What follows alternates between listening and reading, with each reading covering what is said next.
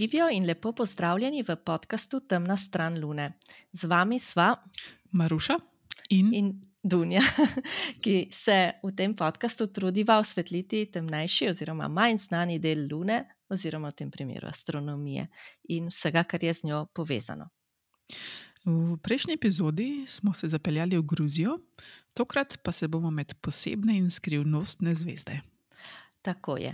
Torej, Maruša, ti si me zadnjič spraševala o astronomskih dogodivščinah na Olimpijadi v Gruziji, in tokrat si bova zamenjali vlogi.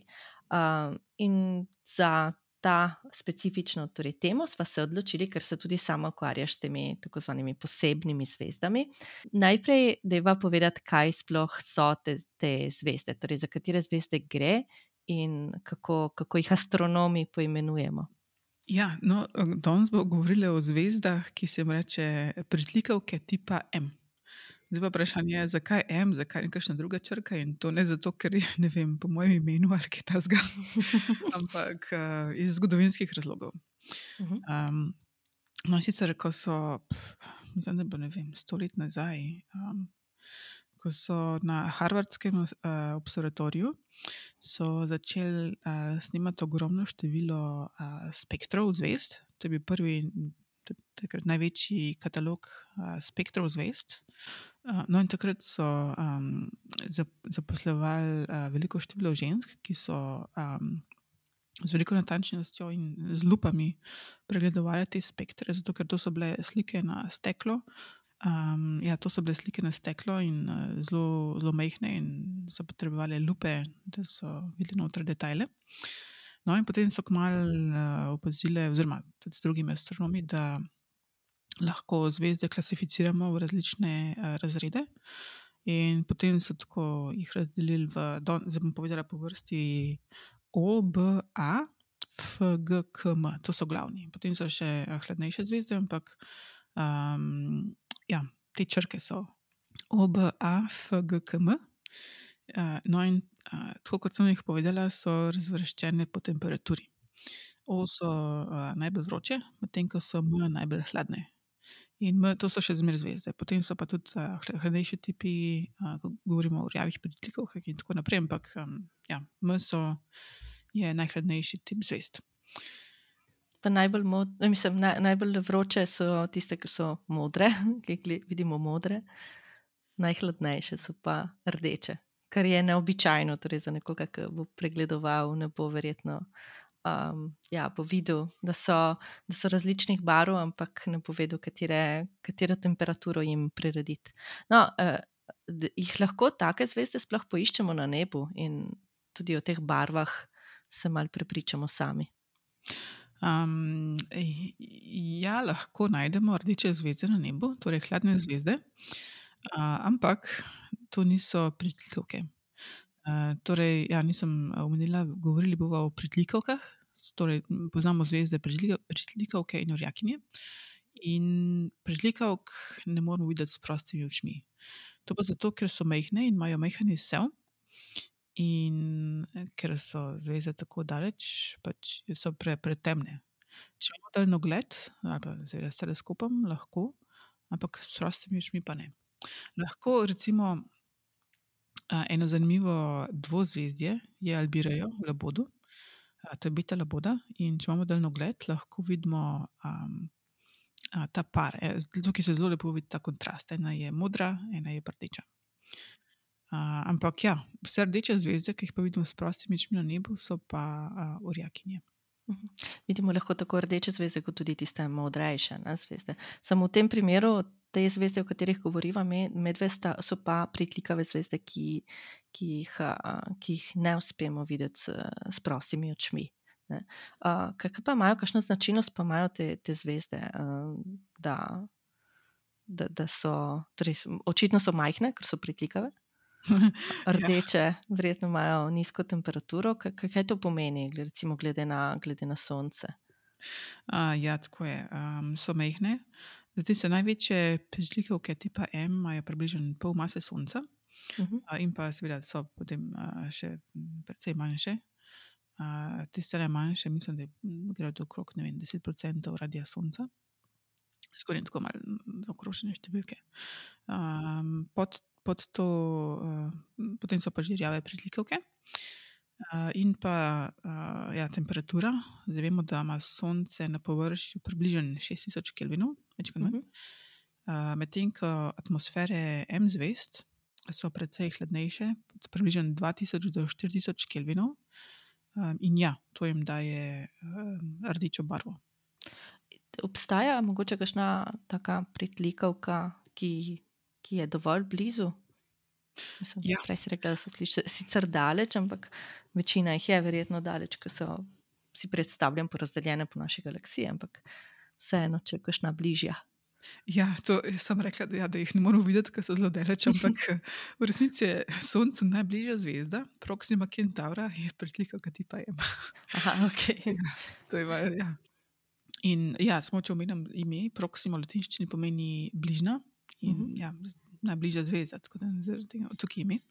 Nahaja se približno 40 lobna leta stran, je pa del sistema Alfa Centaura, to je resnici troj zvezdje, se pravi, tri zvezde so gravitacijsko vezane skupin, trenutno je najbližja Soncu Proxima.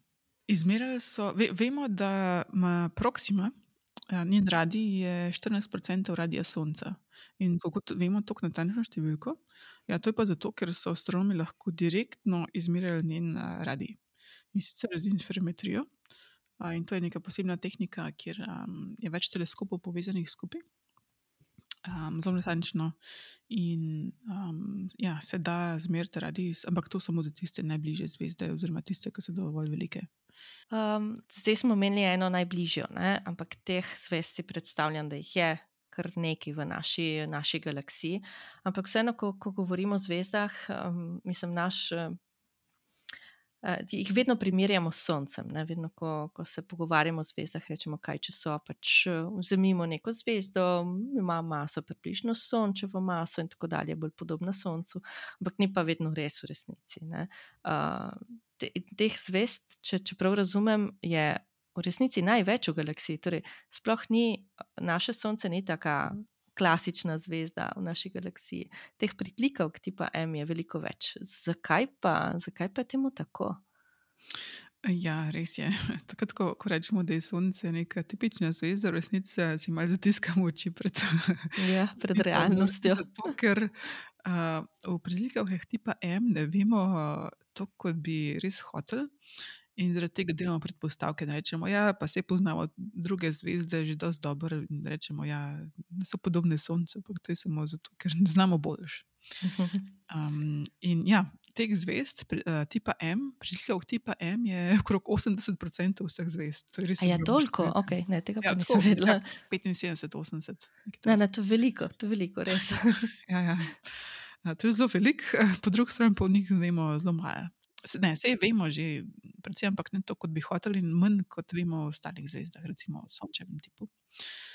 Um, in ja, to pa zato, ker, kot sem rekla, ima zelo mehen izsev, tako da lahko vidimo samo tiste, ki so v res bližnji okolici. In zato, naprimer, um, no, mogoče to tudi zato, ker um, sem sama upletena v to, v galaktično arheologijo. Um, in pri galaktični arheologiji, uh, ja, ne gre za to, da se sliši malo smešno, ne gre za to, da bi iskali uh, kakšne arheološke ostanke na drugih planetih. Ampak v resnici so neke vrste arheološke ostanke v smislu zvest. Uh, ja, ja. Ja, gre za to, da um, preučujemo kemično zastopanost elementov v starih zvezdah in pa njihove orbite, zato da bi, lahko, um, da bi nam to lahko povedalo nekaj o um, evoluciji naše lastne galaksije, kako je nastala, kako se je razvijala in kako je prišlo, kako lahko razložimo galaksijo, kot je danes. Mhm. Torej, del teh elementov je v bistvu zvezda sama povlekla iz okolice, ko je nastala, kar pomeni, da povejo nekaj o tem, kje je nastala zvezda. Če se pa medtem premaknila, v bistvu lahko razluščimo, kakšna je bila njena pot od njenega nastanka do, do danes in na ta način skoraj. Ja, to je neke vrste mm, sveti gral, to, da bi recimo povezali zvezde. Namreč, eh, zakaj tukaj gre? Vemo, da ko zvezde nastanejo, nastanejo iz um, istega oblaka plina in prahu, in predpostavljamo, da so kemične zastopanosti elementov v tem oblaku enake. torej zvezde, ki nastanejo iz tega oblaka, bi mogle imeti vse enake kemične zastopanosti. Ampak kaj se zgodi potem? A, ta, eh, ta skupina zvezd a, sčasoma razpade in se porazdelijo a, po galaksiji in se zmešajo z drugimi zvezdami. Torej, če pogledamo na ključne zvezde, imajo na ključne kemične, mislim, na ključne, sej sledijo nekim naravnim zakonom, in tako, ampak nimajo pa enake. In po, po, na nek način lahko gledamo na njihove kemične zastopanosti kot na a, genski zapis. Uh Mhm. -huh. Torej, zvezde, ki nastanejo iz istega oblaka, imajo isti genski zapis, e, in pa seveda drugačen od zvezd iz drugega oblaka. In torej, ko um, pogledamo dve naključni zvezdi na nebu, imata različen genski zapis, če, če govorimo o tem jeziku. No, in um, ja, eden izmed svetih kraljev uh, galaktične arheologije je pove, uh, iskanje sorojencev zvezd, torej zvezd, ki so nastale uh, iz istega oblaka. In uh, to do zdaj še ni, mm, ni uspelo do take mere, kot bi si želeli. Um, ja, ampak uh, zakaj sem začela govoriti o galaktični arheologiji? Pa, ja, zato, ker uh, galaksija je velika in torej, če hočemo um, odgovoriti na take vprašanja, moramo um, imeti katalog zvezd, ki so daleč. Uh, Medtem ko s pritlikavkami, pa ja, poznamo samo, oziroma katalogirali smo zvezde, ki so zelo blizu, in zato um, so nekako neuporabne za, za galaktično arheologijo. In zato galaktični arheologi nekako jih ignorirajo, ker eh, jih ne morejo uporabiti. In tukaj pač se ne da preko tega. Tudi, z ne vem, kako truda, pač se ne da, zato ker so temne in vse meritve se izboljšujejo, in tako naprej, ampak še vedno um, ne bodo nikoli dosegle. Katere so pa Um. težave zdaj pri teh, eh, pri teh zvezdah? Ja, no, več je. Eno, eno je to, da mm, ja, nikoli jih ne bomo mogli, nikoli ne bomo imeli katalogov do tako velikih razdalj. Uh, potem so pa, ja, to, kot se rekla, to še zdaleč ni edina težava. Uh, ja, te zvezde so zelo hladne in to pomeni, da se v njihovi, njihovih atmosferah lahko um, tvorijo že molekule. Aha.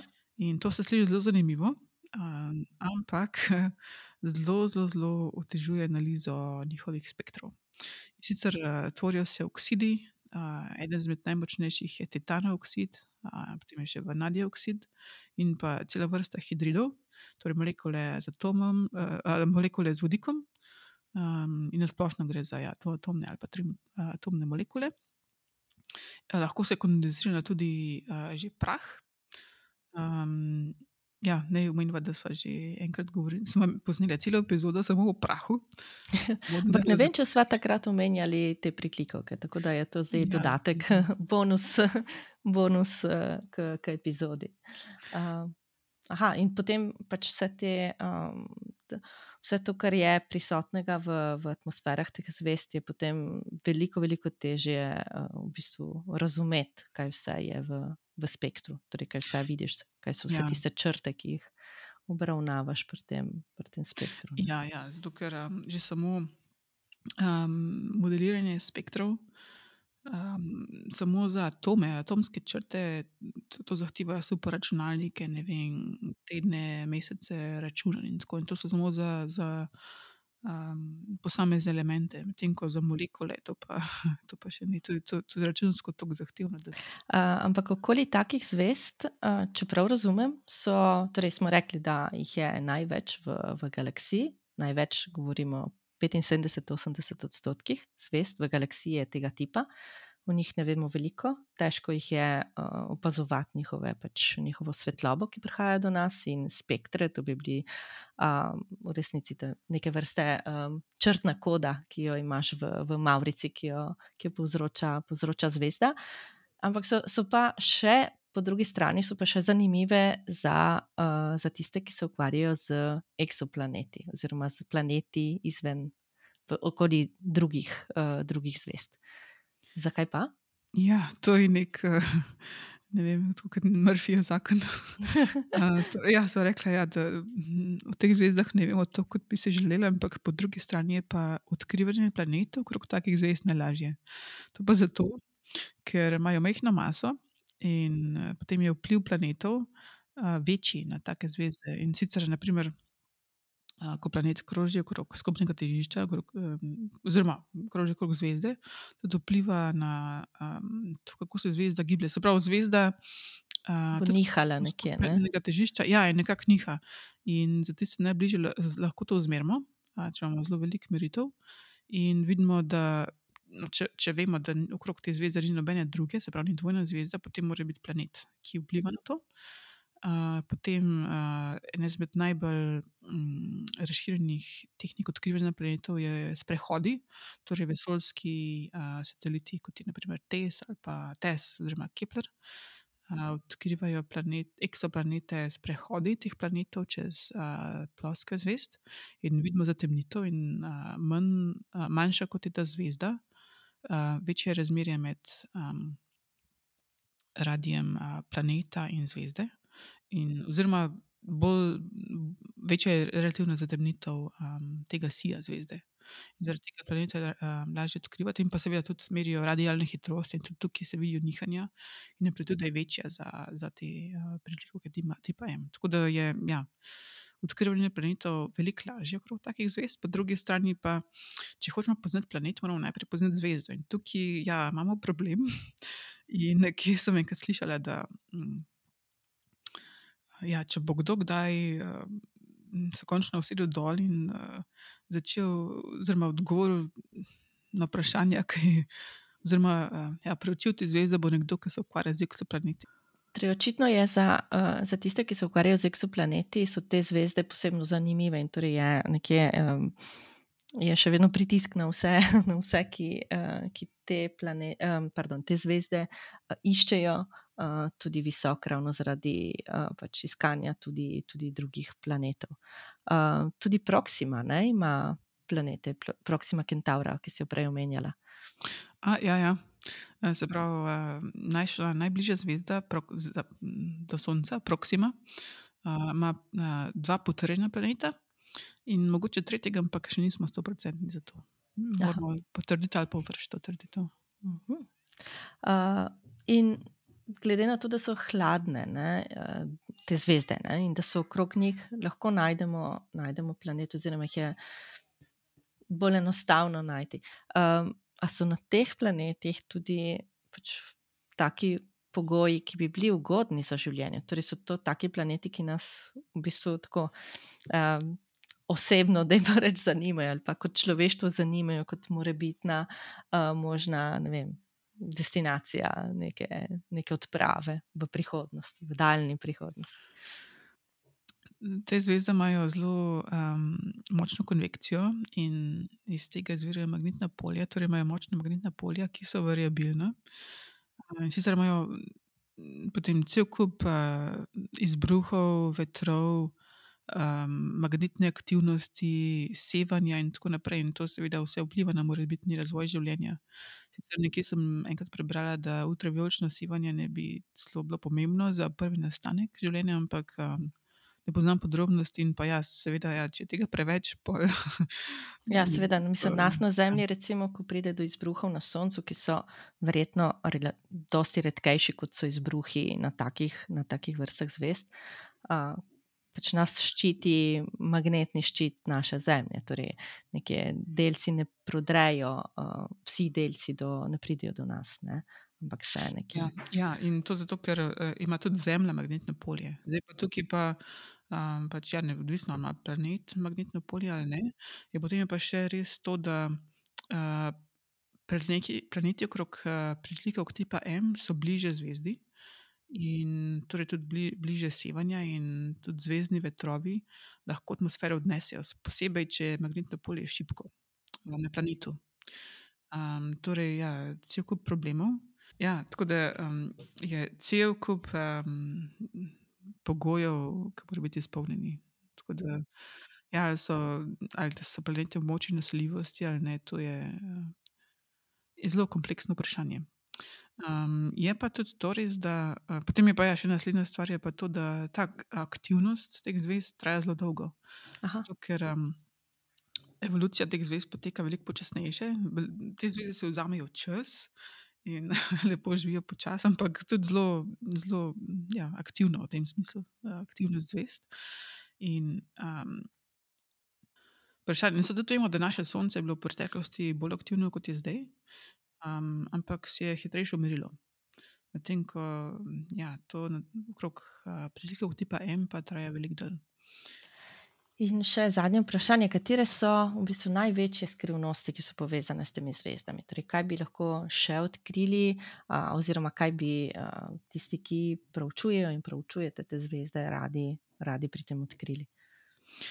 Ja, mislim, da je ena izmed največjih vprašanj, je, je so sigurno kemične zastopanosti. Zato, ker, kot sem rekla, če poznamo zvezdo, potem tudi veliko več vemo o planetu. In ja, če bi poznali kemične, kemične zastopanosti bolje, vse nekaj vemo, ampak ne, ne to, kot bi hotel.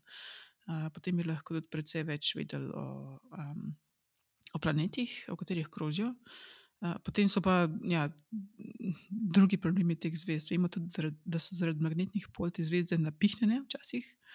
Opazovanja kažejo, da so večje, kot bi pričakovali na modele. Verjetno zaradi magnetnih pol.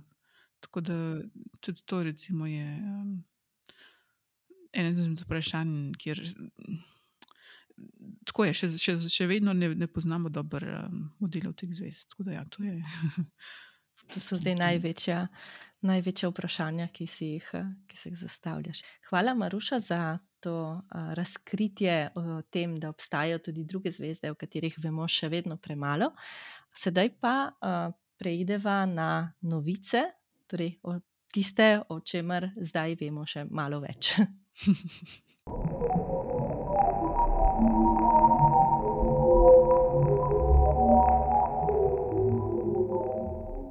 Torej, zadnjič smo omenili misijo Pikada, eh, ki jo je ameriška vesoljska agencija poslala proti asteroidu oziroma dvema asteroidoma. Eh, misija je ime eh, DART, to je akronim angliškega daljšega imena Double Asteroid Redirection Test tu sta nastopata kot glavna, uh, torej asteroid Didymos, okrog katerega se, se giblje, kroži njegova Luna, tudi asteroid, ravno tako in se imenuje Dimorphos. Um, torej, Dimorphosa so ciljali z. S to misijo, in sicer um, ob tej misiji se je pač zgodilo, da je um, ta, um, ta satelit v bistvu treščil v Dimorphos in mu spremenil, uh, skrajšal period okroženja in sicer od 11 ur in 55 minut na 11 ur in 23 minut. Torej, s tem so, uh, to so sedaj potrdila opazovanja in sicer opazovanja svetlosti tega sistema dveh asteroidov, kjer so sistem asteroidov opazovali z teleskopi uh, na tak način, da so spremljali torej svetlost. Oba dva odbijata sončevo svetlobo, torej tudi na svoji orbiti, ta Luna Didim, Dimorphos, pardon, občasno zaide v Didimosovo senco in zato sistem pač izgleda temnejši, ker jo drugače uh, ne ločimo. Ne. V naslednjih mesecih bo sledilo opazovanje uh, torej materijala, ki ga je uh, ta trg uh, z Luno Dimorphos uh, povzročil in torej odvrgel v, v okolico. In čez štiri leta naj bi misija Hera, uh, ki je misija Evropske vesoljske agencije, tudi pobliže poslikala območje trga na steroidu in raziskala ravno ta odvrženi materijal. Pred kratkim je prišlo tudi do nekega novega arheološkega odkritja. Kaj ne? Ja, res je. Veliko odkritja in sicer so odkrili hiparhov zvezdni katalog. Sicer to se sliši zelo nevrjetno, tudi jaz nisem vedela, da tega sploh nismo poznali. In sicer vsi vemo, da je hiparh um, približno 150 let pred našim štetjem um, ustvaril katalog zvest uh, in si razmeril um, lokacije približno tisoč zvest na nebu. Um, oziroma, tako malo manj, no, 850 zvest, in je sestavil katalog. In to je bil prvi modern katalog uh, zvest. In do zdaj, v resnici, smo vedeli za obstoj tega kataloga samo iz kasnejših zgodovinskih virov, ki so ga omenjali. Ampak samega kataloga pa ga ni bilo. Ga, ni, ni, ni dejanskega dokumenta ni bilo, do zdaj, zdaj so ga pa dejansko odkrili. In tudi mene je to presenetilo, nisem vedela. No, Kako so ga pa odkrili, a veš, mogoče?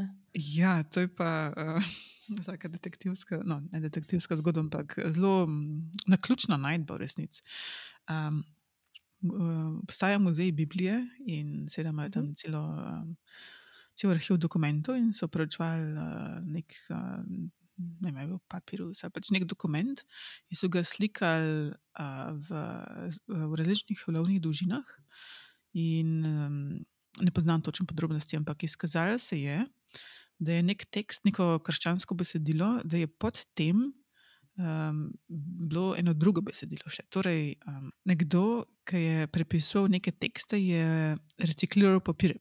Torej, vzel je nekaj stare uh, skupek uh, nekih papirjev iz različnih dokumentov, uh, spravil dol originalno besedilo in potem čez to napisal uh, ta krščanski tekst.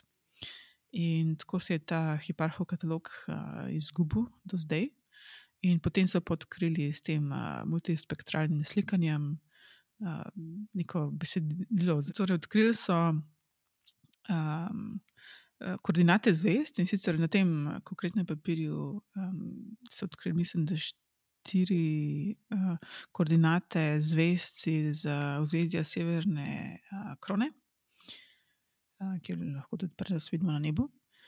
Um, in te koordinate se um, ujemajo s koordinatami zvest, ki so bile na nebu v času hiparha. Vemo, da zaradi precesije. Um, Zemlja in tako naprej se te koordinate s časom spremenjajo. Ja, no, in kar še vemo, je pa, da kasneje pa Ptolomej v drugem stoletju našega štetja uh, ustvaril svoj katalog um, v delu, ki se imenuje Almagest. Uh, on je uporabil malo več zvest, malo čez tisoč. In uh, nekako nekateri so mislili, da je samo prepisal hiparhov katalog, pa ga pa dodal še um, svoje zvezde, ampak zdaj vemo, da je hiparh napisal katalog v ekvatorialnem koordinatnem sistemu, medtem ko je Ptolemej uporabil ekliptičnega. Torej, sta dva različna sistema, in pa, um, kar je malo presenetljivo, je to, da so uh, hiparhove koordinate veliko bolj uh, točne kot Ptolemejeve. Tako da očitno ni tako, da, je, um, da so koordinate um, bile vse bolj točne in točne, bolj natančne, ampak tukaj je šlo kar tako malo nazaj. ne vem, zakaj, ne poznam podrobnosti, ampak uh, ja. Bova, bova dodali potem tudi novico v, um, uh, v zapiske, kjer se lepo vidi, tudi, kako so s to, um, s to posebno tehniko potem razkrili, da se na, v bistvu, nahaja še drugo besedilo, ki je napisano na istem, na istem papirju, na istem papirusu. Torej 9. oktober so astronomi za Zemljo opazovali eksplozijo, uh, točneje izbruh sevanja Gama, uh, ki ga še um, torej, takega res niso še opazovali. Um, Zakaj je šlo in če je to nevarno za nas, bom v kratkem obrazložila. Torej, ime tega um, izbruha sevanja gama je GRB 2210-09A, to pomeni, da je do njega prišlo 9. oktober leta 2022. Uh, nahaja se v zvezdju Puščice. Uh, in je izven naše galaksije. Zdaj, izbruh so opazovali, seveda, z uh, teleskopi, ki, uh, in ta izbruh je bil tako močan, da je zameglil pogled teleskopov, ki opazujejo torej tako sevanje, torej govorimo o sevanju gama. Uh, in obenem je pa ta izbruh tudi povzročil motnje v zemeljski atmosferi. Uh, ni predstavljal nevarnosti za človeka, uh, gre pa za daljši izbruh. Torej, pri izbruhih sevanja gama govorimo o krajših in o daljših izbruhih. V tem primeru je šlo za daljši izbruh, uh, pri katerem znanstveniki sklepajo, da gre za kolaps masivne zvezde, najverjetneje v črno luknjo. Pri tem nastaneta dva nasprotna si curka. Curka, ki sta torej, če je eden od njiju pač usmerjen proti Zemlji, opazimo torej ta izbruh sevanja gama.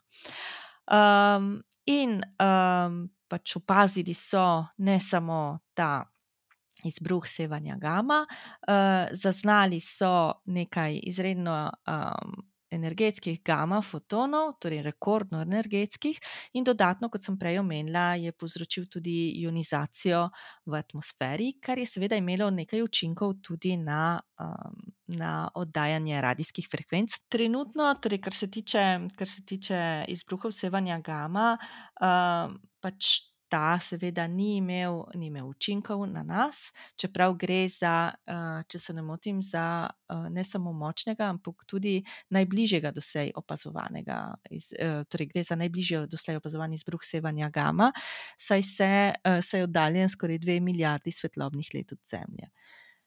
Seveda lahko bi prišlo do takega izbruha, torej do takega kolapsa zvezde tudi v naši galaksiji ali pa v bližnji galaksiji.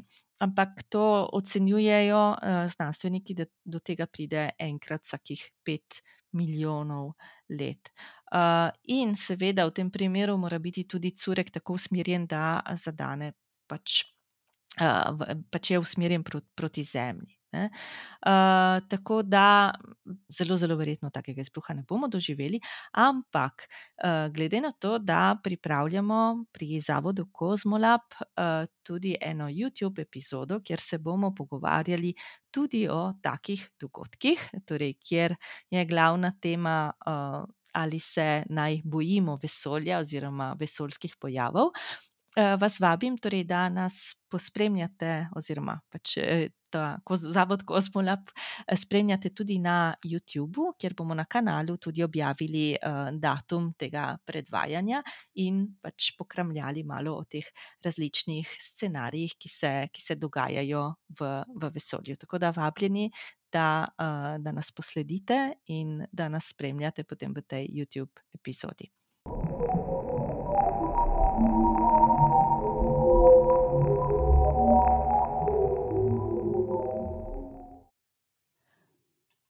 Tokrat bom uporabila podcast še za eno, v resnici ne, za eno vabilo, namesto za priporočilo. In sicer novembra meseca običajno poteka v Ljubljani knjižni sejem. Tokrat je že 38. knjižni sejem in bo letos potekal v prostorih gospodarskega razstavišča. Knjižni sejem bo potekal od 22. do 27. novembra in sem bila povabljena, torej povabila me je založba Morfem Plus na sodelovanje pri predstavitvi knjig, katerih glavna tema je vesolje. Avtor je v tem primeru Raman Prinja, knjigi sta pa Prihodnost vesolja in Čudesa nočnega neba, in mislim, da ima založba tudi druge knjige o vesolju. Torej, če bi se kdo rad srečal ali pa uh, pač poslušal dogodek, se vidimo v soboto, 26. novembra na odru Cici Festa ob 14. uri. Lepo vabljeni, da pridete na knjižni sejem, ki, vedno, uh, ki vedno predstavlja novo odkritje in nov, uh, nov pogled v, v, v knjižne, knjižne izdaje v, v slovenščini. No, in ker že omenjava knjige, tudi mi dve radi seževa po kakšni knjigi, sploh taki z astronomsko vsebino. In če ima kdo od poslušalk in poslušalcev eh, kakšno dobro priporočilo, pa kar en dan z njim, pišite nam na podcast, pika temna stran lune, afna gmail.com ali pa naj jo podsukate za rokav na različnih družabnih medijih. Čeprav se redke oglašava, sploh za ne čase, pa jih pregledujeva. Sam tako da ja. veste. tako.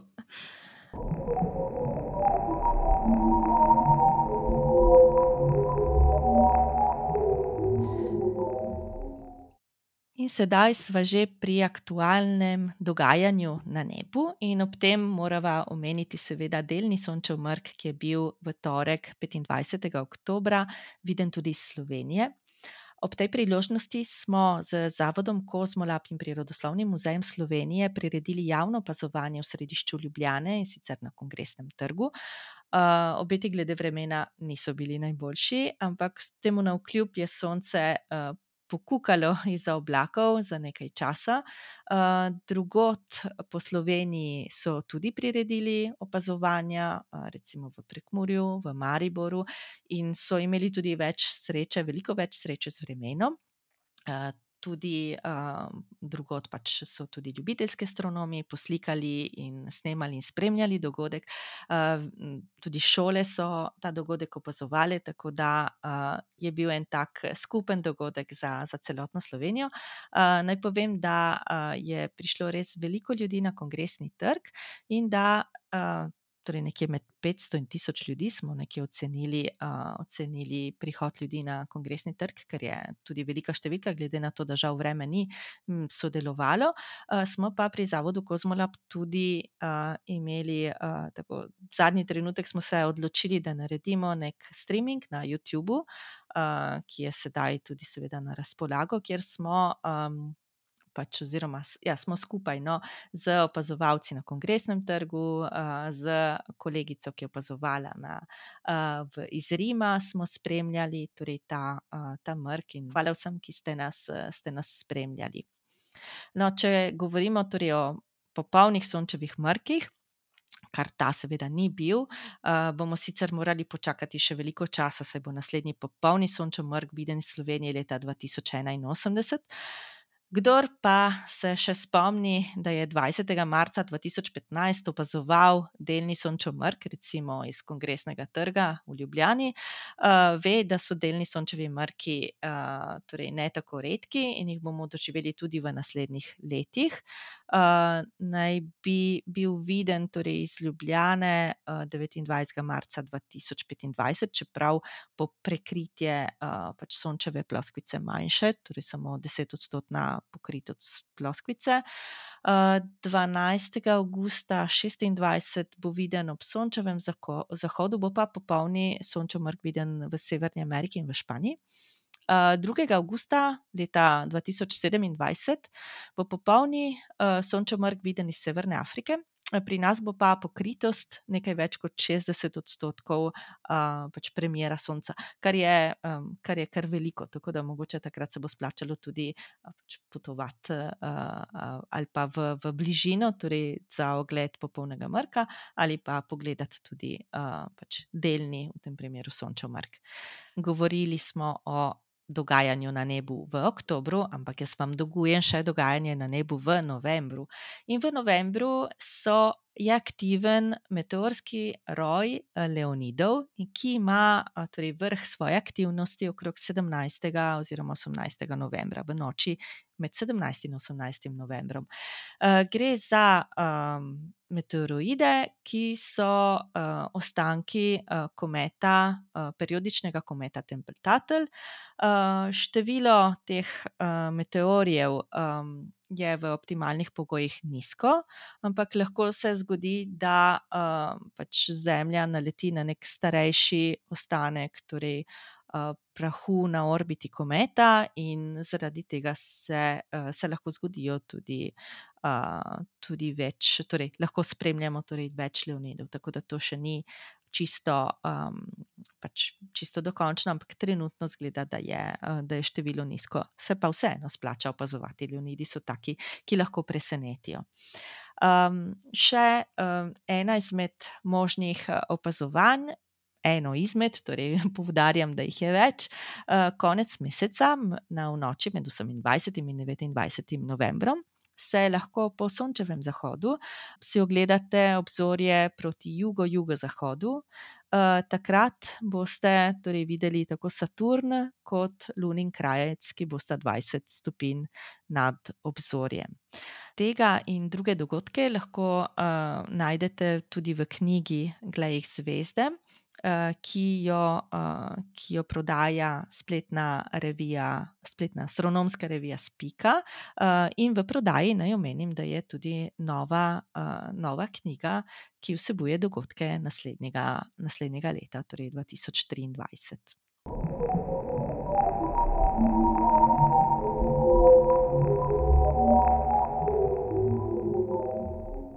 Tudi tokrat so vas kratkočasili Maruša in Dunja. Za zvočno kuliso se zahvaljujemo Peliju iz sosednjega podcasta, opravičujemo se za vse nevšečnosti, v katerem z Alijom in Zijem razpravljajo o življenju, vesolju in sploh vsem, občasno tudi o enem poglavju knjige Douglasa Adamsa, zadnje čase tudi na Discord kanalu. Tudi tam se jim lahko pridružite in poklepetate. Vsem želiva prijetne in jasne noči in, in obilo uspešnih opazovanj. Spet vas pričakujeva prvi ponedeljek v decembru. Slišimo se torej znova čez mesec dni. Srečno! Adijo!